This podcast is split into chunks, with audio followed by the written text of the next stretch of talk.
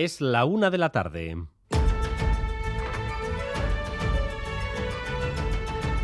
Crónica de Euskadi con Dani Álvarez.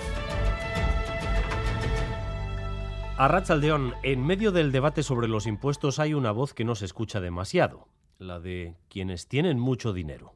Los ricos o los grandes empresarios guardan silencio. Por eso ha sido relevante la confesión que ha dejado hoy en Radio Euskadi el presidente de Petronor. Pagar impuestos, sí, con mucho gusto. Lo que yo digo es, en términos personales, que me parece bien. Y, y lo pago con gusto. Sí, sí. Igual es el primer empresario al que escucho decirlo. No, yo digo a título personal. A mí me han educado en ser solidarios en la cohesión, que la cohesión social es importante. No es habitual que los responsables de grandes empresas o altos directivos hagan confesiones de este tipo. En otros países sí ocurre, pero aquí lo habitual es que se imponga el silencio.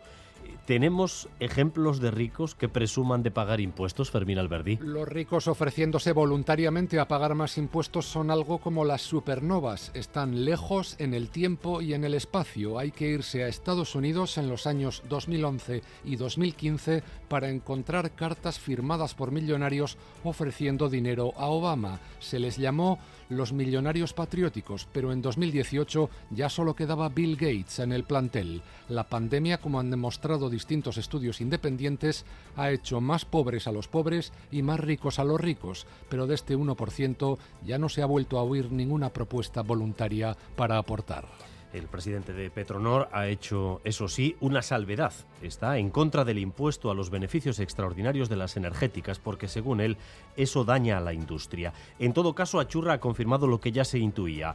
El recorte de producción de la OPEP, anunciado ayer, supondrá otro aumento de precios en los combustibles y ya sabemos que para elevar el precio necesitan cuatro días, pero para bajarlo tardan cuatro semanas. ¿Qué reacciones hay ahora mismo en los mercados? Rodrigo Manero. Pues de, momen de momento tranquilidad. El barril de Brent, que subió ayer ligeramente un 1% tras el anuncio de la OPEP, apenas se ha movido hoy, sigue en los 93 dólares en los que ha empezado la jornada. Aunque se espera un rebote en los próximos días, tras cuatro meses de bajadas, se prevé que vuelva a subir y acabará llegando eso a los combustibles. El suministro, de todas formas, dicen en Petronor, está garantizado. Desde Logroño nos llegaba esta semana la noticia de una comunidad de vecinos que ha optado por no encender la calefacción en todo el invierno.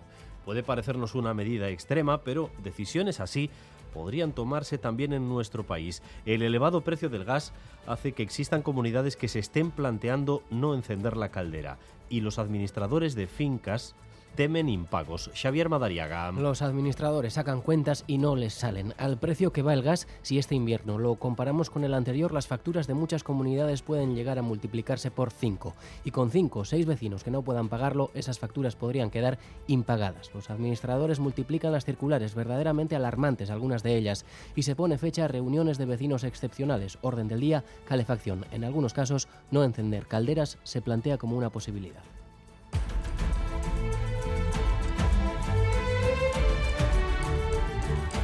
Navarra subirá un 10% el precio de las viviendas protegidas. El Parlamento se ha visto forzado a aprobar esta medida porque las constructoras han dicho que con los costes actuales no tienen margen. Ollane Arangoa. Los datos son claros. Solo 6 de cada 100 viviendas que se inician en Navarra son protegidas. La construcción de este tipo de viviendas ha caído en picado más de un 78% hasta septiembre. Solo se han iniciado 106 viviendas públicas frente a las 453 del año pasado. Subiendo un 10% el precio de estas viviendas, el Parlamento busca paliar el aumento de costes en materias primas y suministros para reactivar las promociones. Y este es el vídeo del día.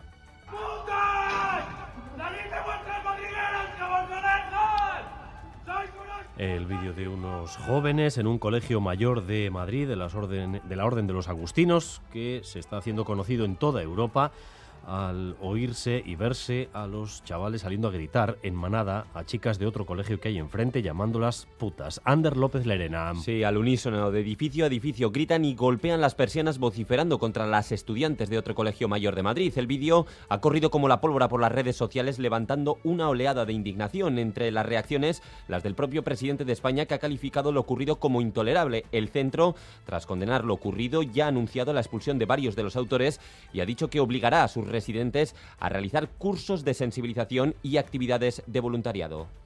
Y además, también en la cultura, hoy estamos pendientes del inminente fallo del Premio Nobel de Literatura y junto a ello destacamos también que empiezan los encuentros de Pamplona 72-22, que 50 años después de los originales volverán a reunir en Iruña a decenas de creadores, filósofos, artistas y pensadores en la capital navarra hasta el 18 de octubre. Es un evento internacional de cultura, arte y reflexión, tal y como lo define el poeta y ensayista Ramón Andrés.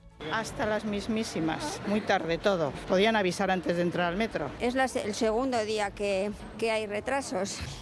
45 minutos por lo menos, yo creo. Desde Baracaldo. Sí, 20 minutos, 25 minutos. Era la voz de usuarios de Metro Bilbao que esta mañana eh, han visto cómo han tenido que soportar retrasos debido a una avería de hasta casi una hora. Iñaki Larañaga. Sí, ha sucedido en hora punta de 8 a 9 de la mañana. La avería de una unidad en Deusto, en el ramal común del metro, ha ralentizado la circulación, provocando retrasos generalizados. Los usuarios se han encontrado con andenes a rebosar, largos minutos de espera, ninguna información y vagones donde no cabía un alfiler. A los problemas del metro además se ha sumado esta mañana la interrupción del servicio en la línea de Renfe entre Baracaldo y Galindo por el robo de cable. Y les decía que era inminente el fallo del Premio Nobel de Literatura. Lo tenemos ya, Galder Pérez, Arrachaldeón. Arrachaldeón, Dani, pues sí, eh, había varias quinielas. Entre ellas había escritores, escritoras francesas como Ulebeck, por ejemplo, y el premio ha sido para la escritora francesa Annie Ernaux, una escritora muy premiada en la literatura europea. Su literatura se considera de estilo descarnado y sin ninguna autocensura. Por ejemplo, eh, una de sus eh, grandes obras es El acontecimiento, que habla sobre su propio aborto. Anier, ¿no? Premio Nobel de Literatura. Vamos también con lo más destacado del deporte, con Álvaro Fernández Cadierno. Arrachaldeón. Arrachaldeón con dos citas en clave europea. La primera, Fútbol Europa League en Moldavia, Serie Real Sociedad. Una victoria dejaría a los Dimanol a las puertas de la siguiente fase. La segunda, baloncesto, Euroliga, estreno de Basconia en Valencia. Objetivo difícil pero no imposible, meterse en el top 8. Y en cuanto al tiempo, mañana en general sin lluvia, pero con cielos nublados por la tarde se anuncia apertura de claros. Eso sí, las temperaturas van a ser más frescas que las de ayer,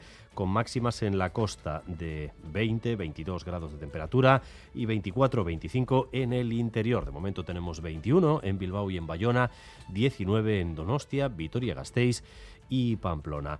Gracias un día más por elegir Radio Euskadi y Radio Vitoria para informarse. Raúl González y José Ignacio Revuelta se encargan de la dirección técnica, a Bilbao de la coordinación. Crónica de Euskadi con Dani Álvarez.